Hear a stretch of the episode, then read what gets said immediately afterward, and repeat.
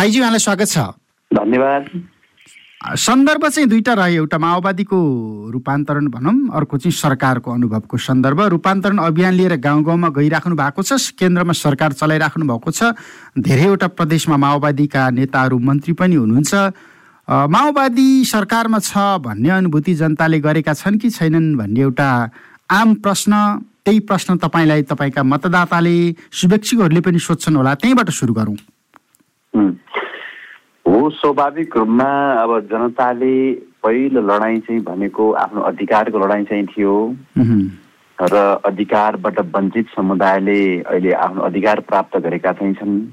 राज्यका हरेक चाहिँ निकायहरूमा समावेशी चाहिँ सहभागिता चाहिँ छ।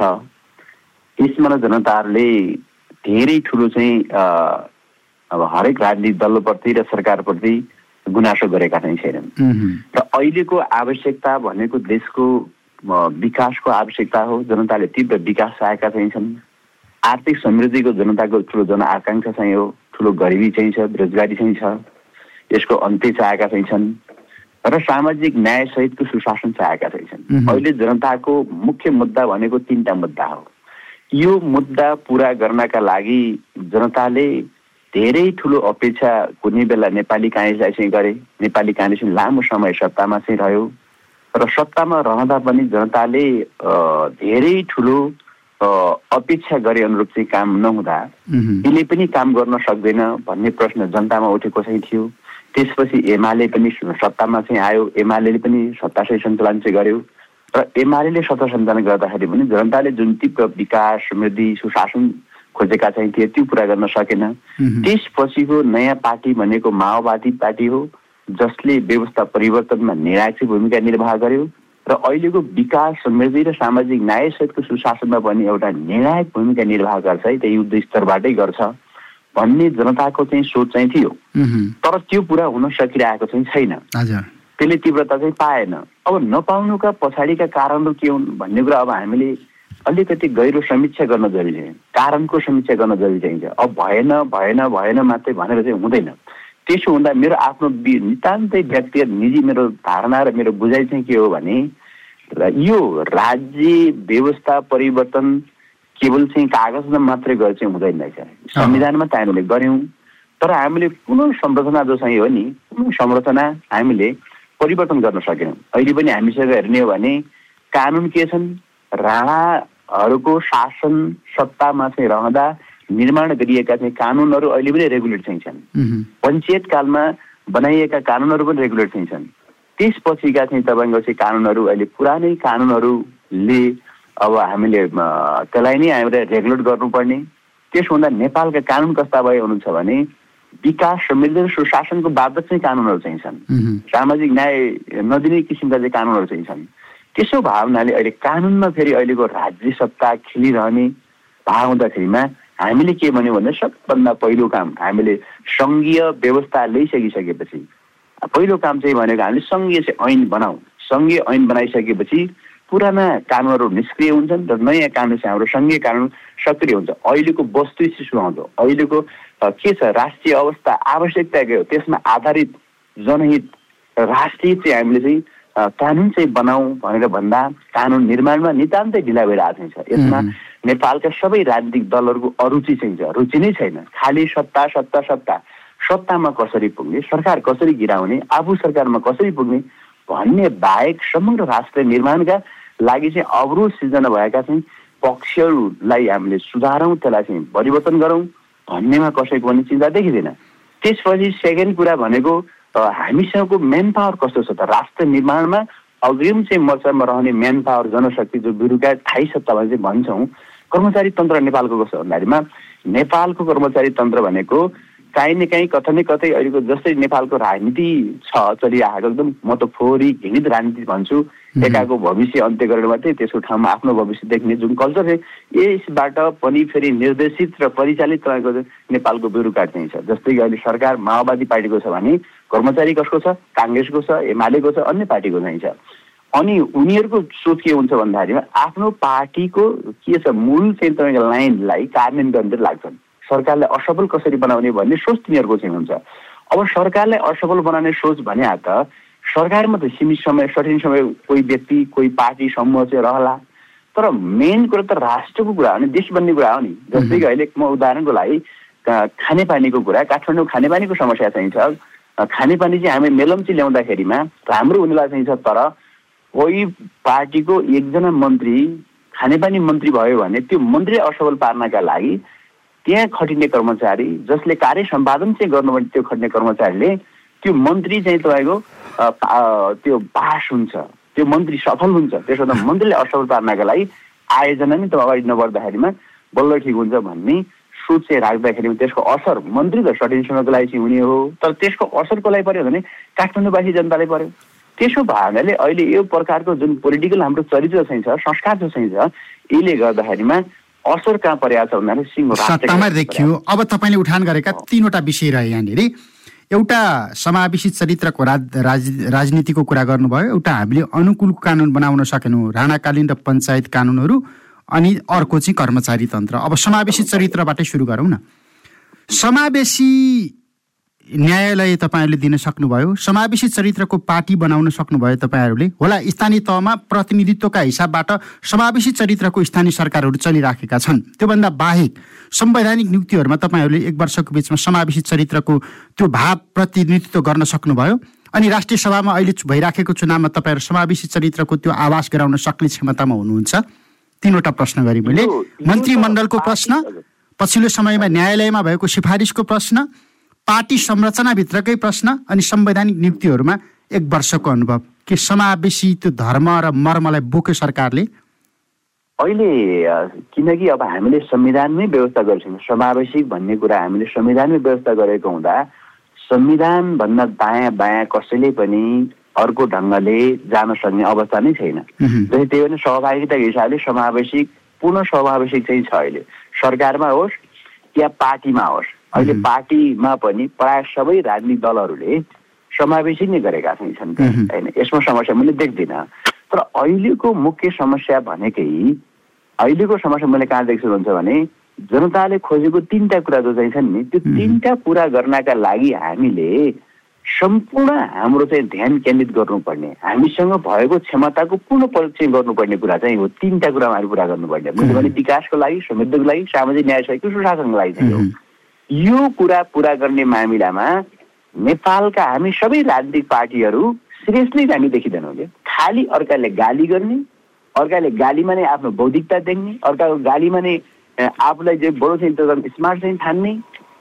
यो प्रकारको सामन्तवादी सोच जो चाहिँ छ नि यसका विरुद्धको चाहिँ हाम्रो सङ्घर्ष नगरिकन हामी सबै नेपालका सबै पोलिटिकल पार्टीहरू नेपालमा सामाजिक क्षेत्रमा चाहिँ चिन्ता र चासो राख्ने सबै मान्छेहरू र त्यसपछि आम नेपाली चाहिँ जनसमुदायहरू। हामी सब एक ठाउँमा चाहिँ उभिएर समृद्धिको चाहिँ हामीले एउटा रेखाङ्कन गर्नु एउटा खाका तयार पार्नु पर्यो समृद्धिको पनि एउटा खाका तयार पार्नु पर्यो सामाजिक न्यायसहितको सुशासन एउटा खाका तयार पार्नु पर्यो र त्यो खाकालाई जो सरकारमा आए पनि त्यसलाई कार्यान्वयन गर्ने हो।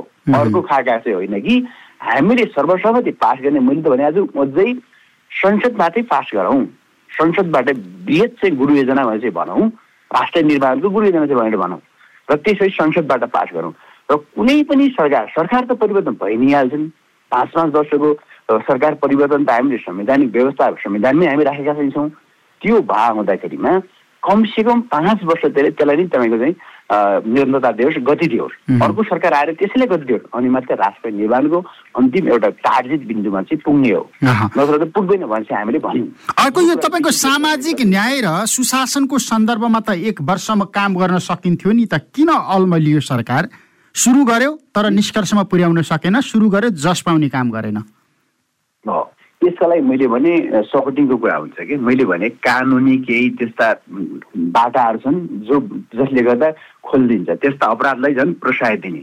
त्यो अपराधीहरूलाई चाहिँ बचाउने प्रकारका कतिपय कानुनी लुपुलहरू चाहिँ राखिएका चाहिँ छन्। जसको कारण चाहिँ समस्या भयो। अर्को कुरा मैले भने कार्यान्वयन गर्ने मेन पावर भनेको त ब्युरोक्राट हो। ब्युरोक्राट नै त्यस्तो किसिमको चाहिन्छ फेरि त्यो। संरचना झन्झटिला छन् हाम्रा फेरि। त्यसरी अनावश्यक यस्तो ठुलो संरचना बनाउन जरुरी छैन। अहिले अर्बौँ पैसा नेपालको वार्षिक बजेटको फिफ्टी पर्सेन्टभन्दा बढी साठी पर्सेन्ट तपाईँको चाहिँ अहिले कहाँ जान्छ चालु खर्चमा जान्छ। कर्मचारीले तलब र तपाईँको भत्ता सत्तामा सीमित चाहिँ हुन्छ भने चालिस पर्सेन्ट मात्रै बजेट चाहिँ विकास निर्माण मात्रै जान्छ। असरी कस्तो राष्ट्र राष्ट्र बन्छ? अनावश्यक संरचना खडा गरेर एउटै महिना मात्र कुले खानीको म आफै ऊर्जा मन्त्री हुँदाखेरि गएको चाहिँ थिएँ। त्यसको आयोजना अनुगमनमा कुले खानीको आयोजना त्यहाँ तपाईँको सत्तरी असीजना कार्यालय सहयोगी मात्रै थिए। किन यति राखिएका हुन् भने चाहिँ मैले प्रश्न गर्दा यो चलन छ हजुर प्रत्येक पटक जतिजना ऊर्जा मन्त्री भयो उनका दुई तिनजना दुई तिनजना मान्छे चाहिँ राखिदिनुपर्छ त्यही त बढ्दै बढ्दै बढ्दै यसमा पुगाउँ भन्ने चाहिँ भने। भने त्यो त अनावश्यक चाहिँ आर्थिक चाहिँ खर्च भार त बढ्यो नि त्यो त।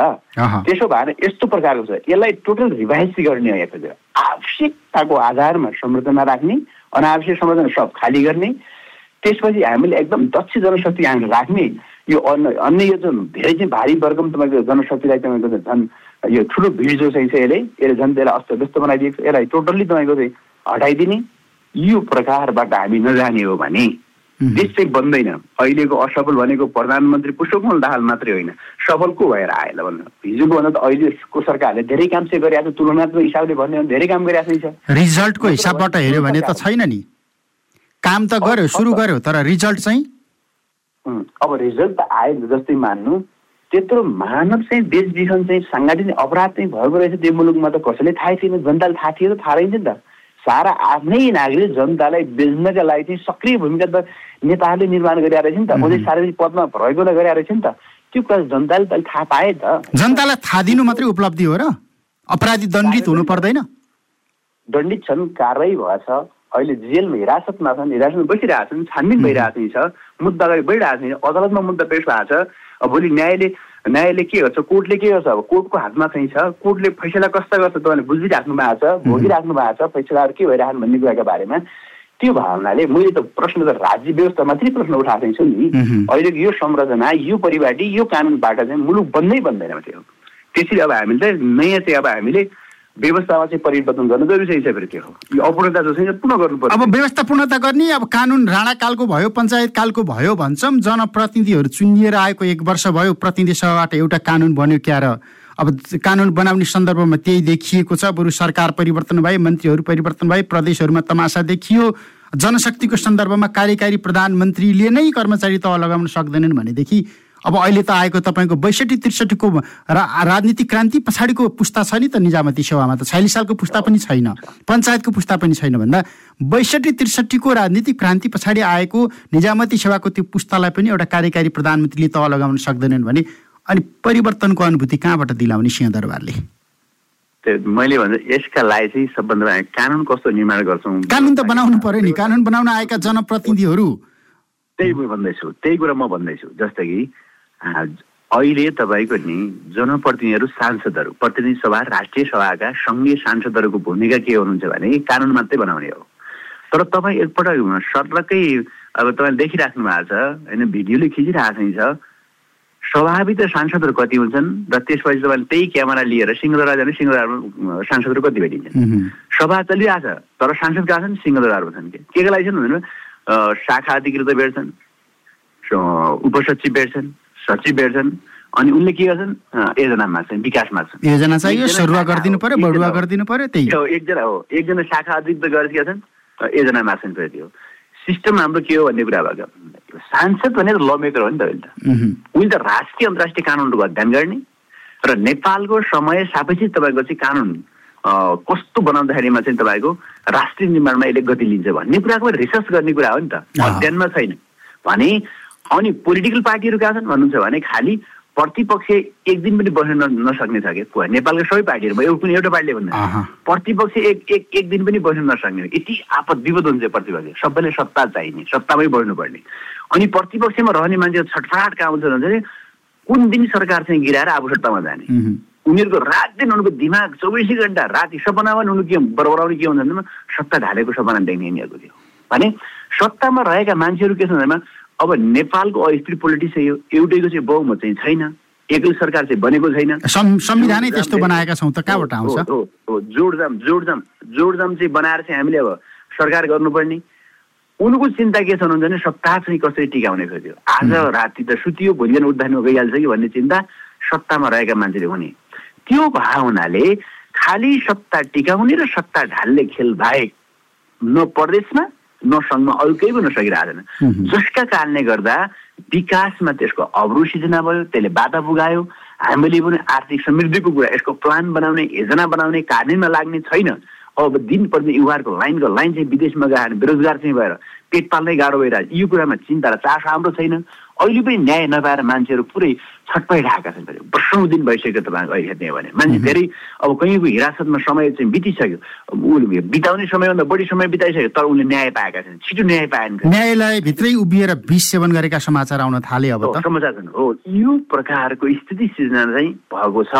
यसका लागि अब अलिकति मेरो सुझाव र मेरो बुके हुनुहुन्छ भने जनताले नै निर्णायक जनता नै हुन्। जनताले नै निर्णय यसका लागि म भन्छु जसको सरकार चाहिँ बनाए पनि जनताले पाँच वर्षको लागि एउटा चाहिँ एउटा पार्टीलाई चुन्ने उसको स्पष्ट बहुमत चाहिँ बनाउने र पाँच वर्ष उसलाई चलाउने पाँच वर्षमा केही न केही रिजल्ट निकाल्छ। पाँच वर्ष ढुक्कताका साथ अहिले सरकार चाहिँ चलाउँछ। राजनीतिक स्थायित्वको सन्देश दिन सक्नु पर्यो यो हामीले चाहिँ पाँच हो त्यसपछि पाँच वर्ष उसको हेर्ने पाँच वर्षमा उहिले चाहिँ काम गर्न सकेन हुन् जनताले त दिएकै हुन् त। अडचालिस सालमा पनि दिएकै हुन् तपाईँको एकाउन्न सालमा पनि सानोतिनो बहुमतै जस्तो दिएकै हुन् तपाईँहरूलाई पनि दिएकै हुन् अलि अगाडिको चुनावमा पनि दिएकै हुन्। थामी खान सक्नु पर्यो नि राजनीतिक नेतृत्वले। जनताले दिएका हुन्। हो दिएका हुन्। अब यसको यसको असर के छ भने जनताले दिएर पनि टिक्न सकेन। नटिक्नको पछाडिको कारण त दृश्यमा पनि छन् अदृश्यमा पनि छन्। नेपालको अस्तित्व चाहने शक्तिहरूले नि नेपालका राजनीतिक पार्टीभित्र खेल्लान्। अहिले पनि नेपाली कार्य कुनै बेला ठुलो पार्टी चाहिँ थियो। के भयो? फुटाइहाले। कुनै बेला एमाले पार्टी के थियो? ठुलो थियो बहुमत आशा थियो फुटाइहाले। कुनै बेला माओवादी पार्टी ठुलो थियो बहुमत फुटाइहाले। फेरि हामी नेकपा बनायौँ फेरि फुटाइहाले। थियो अहिले फेरि कङ्ग्रेस फुटाउने तर्खरमा फेरि लागिरहेको थियो ठुलो पार्टी कङ्ग्रेस भावनाले। त्यसो भावनाले नेपालमा कुनै पनि स्पष्ट बहुमत चाहिँ अलिक शक्तिशाली पार्टी बन्न नदिने पनि डिजाइन षड्यन्त्र चाहिँ यहाँ भइरहन्। यो कुरालाई नेपालका पोलिटिसियनले पनि बुझ्नुपर्ने हो। कठपुतली त जनता भएन नि त। कठपुतली त तपाईँले भने जस्तै नेताहरू भयो नि त राजनीतिक पार्टी भयो जनता त कठपुतली भएकै छैन नि। नेता भनेको नि त्यो जनतै हो। जनतैबाट आएको उही क्लास उही स्कुलिङ चाहिँ हो उसको होइन? जनताको जतिको विवेक पनि नेतामा देखिएन भन्ने प्रश्न के? त्यो त स्वत छ त त्यो त स्वत सिद्ध भएको छ नि. त जनताले त कमसे कम आफ्नो ठाउँ चेन्ज गरेका छैन नि जनतालाई त कुनै आफ्नो स्वार्थ छैन नि निस्वार्थका साथ जनताले? केही गरौँ नै नेताले भन्यो नेताले त्यो पार्टीलाई सपोर्ट गरेकै छ नि तर नेताहरूले त आफ्नो व्यक्तिगत मुनाफा कहाँ छ भनेर भौतारिएका नेतै छ नि त आफ्नो नैतिक आफ्नो इथिक्स पोलिटिकल इथिक्स त बचाउन नसकेका त नेताहरूले छन् होइन भन्ने त बाहिरिएका छन् त्यो भावना नेताहरूमा पनि रूपान्तरण मेन गर्न नेताकै कुरा हो कि? देश बनाउँदा नेताले बनाउने हो नि त। ब्रेन हो नि त नेतृत्व पोलिटिकल नेतृत्व भने त ब्रेन हो। ब्रेन ठिक भयो भने राष्ट्र ठिक हुने हो। ब्रेन नै बेठिक भयो भने त अनि बेठिक हुने हो। त्यसो भए जनताको कुनै दोष छैन दोष त तपाईँको लिडरसिपको नेतृत्वको पोलिटिसियनको कुरा हो। पोलिटिसियन खराब भएर नै देश नबनिएको हो। अब अब अब तपाईँको पार्टीको नेतृत्वतिर अथवा तपाईँको पार्टीबाट सरकारमा गएका मन्त्रीकातिर जोड्यौँ न। कुन भाषा स्थापित गर्यो? नेतृत्वले कुन भाषा स्थापित गरिराखेका छन् मन्त्रीहरूले? केही सामाजिक सञ्जालमा आएका कटाक्षहरू केही व्यवहारहरू केही रूपान्तरणहरू पार्टी रूपान्तरण होइन है फेरि नेताहरूको रूपान्तरणहरू तपाईँहरूलाई जुन ढङ्गबाट प्रतिवाद गर्नुपर्ने रक्षात्मक बन्नुपर्ने जनताको बिचमा गएर यो होइन भनेर ढाकछोप गर्नुपर्ने परिस्थितिको बिचमा नेतृत्वले किन पुर्याइराखेको छ? अब यसमा त म के भन्छु भन्नुहुन्छ भने मान्छेहरूका हरेक आफ्ना स्वभाव छन् शैली छन् होइन मान्छेका नि स्वभाव र शैलीहरू चाहिँ मिल्दैनन्। अब मेरो कुरा के भन्दामा हामीले सामाजिक पद धारणा गरिसकेपछि हामी सामाजिक मान्छे बनिसकेपछि मेरो निजी लाइफ भनेर भन्नु महेन्द्र साहब म निजी हो भनेर चाहिँ भन्नै मिल्दैन म फलानाको बुवा हुँ म फलानाको बा आमा हुँ भन्न पाइएन। भन्नै पाइँदैन। होइन मैले म सार्वजनिक जिम्मेवारीमा चाहिँ छु भने म सार्वजनिक व्यक्तित्व हो। होइन त मैले सार्वजनिक भूमिका निर्वाह गर्नुपर्छ। मेरो कारणले गर्दा काहीँ कतै कसैले पनि तपाईँको नि काहीँ आश आउने कसैले असर पर्ने किसिमका गतिविधि मैले मचाउनु हुँदैन। होइन? त अभिभावकीय भूमिका निर्वाह गर्नु पर्यो सबैको साझा व्यक्तित्व चाहिँ बोल्नु पऱ्यो र जति सकिन्छ राम्रो गर्नु। मेरो जन्म भनेकै अर्काको सेवाको लागि चाहिँ हो मेरो जन्म भनेको अर्काको खुसीको लागि हो। मेरो जन्म भनेको अर्काको भलाइका लागि चाहिँ मैले पाउनुपर्ने केही पनि छैन। मैले बरु गुमाउनु पर्ने धेरै चिजहरू मैले गुमाउनु पर्छ जति मैले गुमाउने हो दिने हो मैले प्राप्त गर्ने चिज केही पनि छैन भन्ने सोचका साथ काम गर्यो भने जनताले चाहिँ बुझ्ने हो चिन्ने हो जति सकिन्छ उसले आफ्नो क्षमताको प्रयोग गरेर लागिरहेको भने जनताले त काम गरेको कुरा देख्छ नि त। अहिले पनि तपाईँ कर्णालीमा जानुभयो भने नि भन्छन् म सरकारमा हुँदा सत्ताको नेतृत्व गर्दा मेरो थुप्रै आलोचना चाहिँ हुन्थ्यो। अहिले कर्णालीमा गएर भन्नुभयो या कर्णालीका कसैसँग कुरा बुझ्नुभयो भने बरु पहिलाकै मुख्यमन्त्री सबैभन्दा राम्रो थियो ठिक थियो। त्यति बेला सुरु गरेका योजनाहरू दीर्घकालीन महत्त्वका थिए भन्ने समीक्षा रह्यो यति बेला। हो। भने त्यसरी चाहिँ भन्छन् कि अहिले फेरि त्यो। त्यसो भने राम्रो काम गर्यो भने अहिले नभने पनि पछि भन्छन् कुनै बेला। राम्रो कामको चर्चा पछि भइ नै हाल्छ।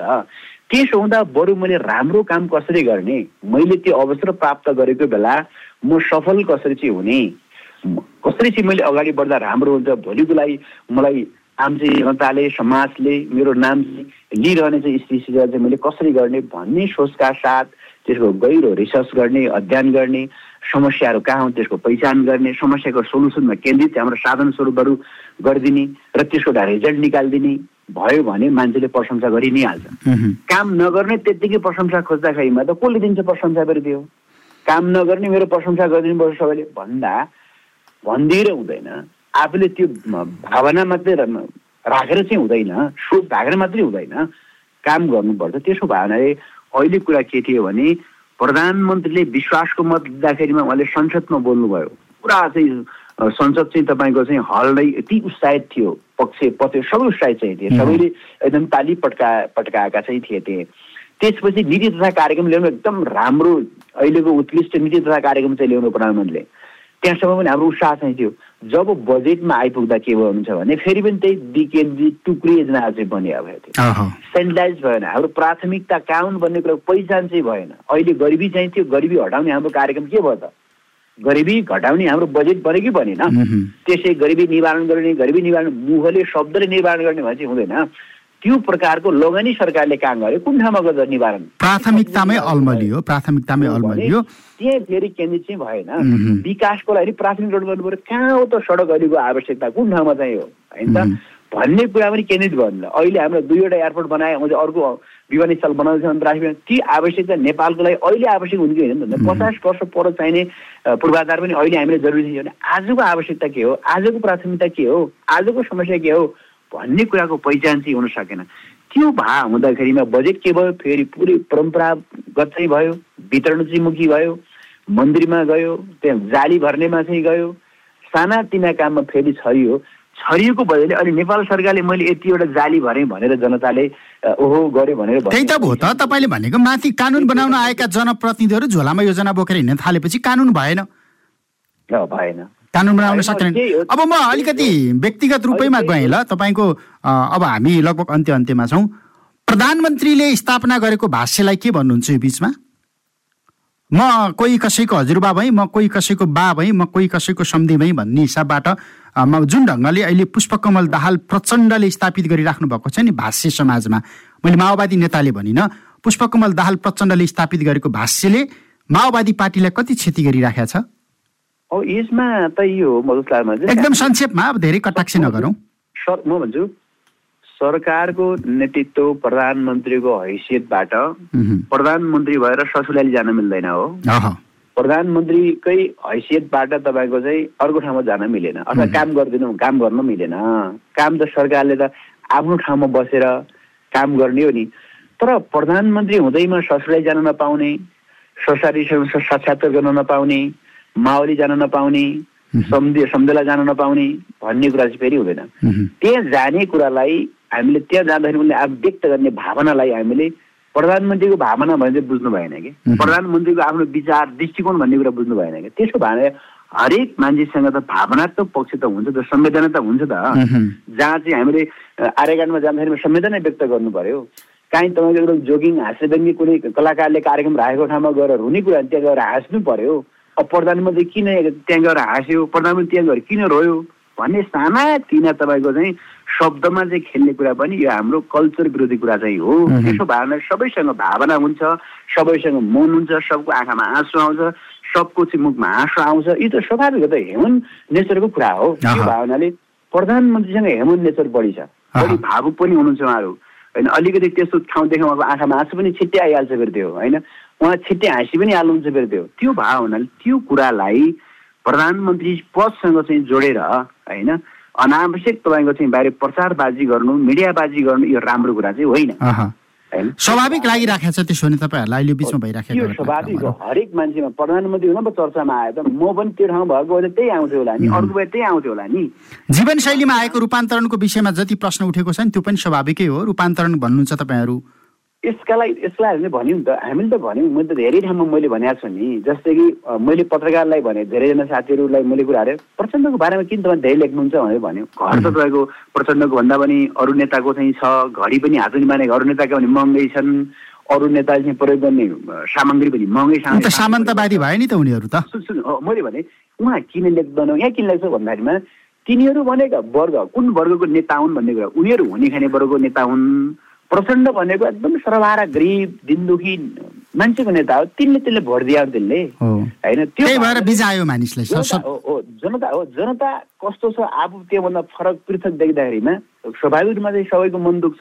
हाम्रो नेता बिग्रियो हाम्रो नेता यस्तो भयो उनको जीवनशैली कार्यशैली देख्यो। त्यसको भावनाले अलिकति माओवादी पार्टीमा त्यो समस्या देखा पर्यो जसै कारणले जनता चाहिँ हामीप्रति बेखुसी हुनु हाम्रो सङ्गठन अलिकति तपाईँको चाहिँ कमजोर हुँदै जानु होइन जनताले धेरै निष्क्रिय हुनु कार्यकर्ता निस्कनु पछाडिको कारण त्यही छ नि त। नेताहरूको कार्यशैली जीवनशैली हामी सबैको देखेर तल चाहिँ तपाईँको निष्क्रिय हुन्छ। त्यो भावनाले यो कुरा अरूका लागि चाहिँ त्यो नयाँ कुरा चाहिँ हुन्छ यो न्युज चाहिँ अरूले पढ्छन् धेरैले हेर्छन् लाखौँले हेर्छन्।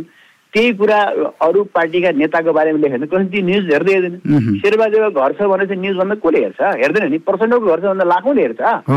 हो हो त्यही पनि मैले लेख्या हो नि हामीले लेख्या हो नि भन्ने कुरा गर्नुहुन्थ्यो। त्यसो माओवादी प्रतिको एक खालको भरोसा भन्ने हिसाबबाट बुझौँ होइन? अर्को अन्त्यमा समय सक्यो तै पनि मैले जोड्न जा चाडिहालेँ घाटमा गयो भने रुनै पर्छ हलमा गयो भने हाँस्नै पर्छ भन्ने एउटा भाष्य त्यो भावनामा बग्दै गर्दाखेरि सुदान किराँतीले त्यहाँ जुन ढङ्गबाट एउटा माहौलमा गएर जुन अभिव्यक्ति दिनुभयो यसले पनि तपाईँलाई रक्षात्मक बनायो। त्यो पनि स्वाभाविक थियो?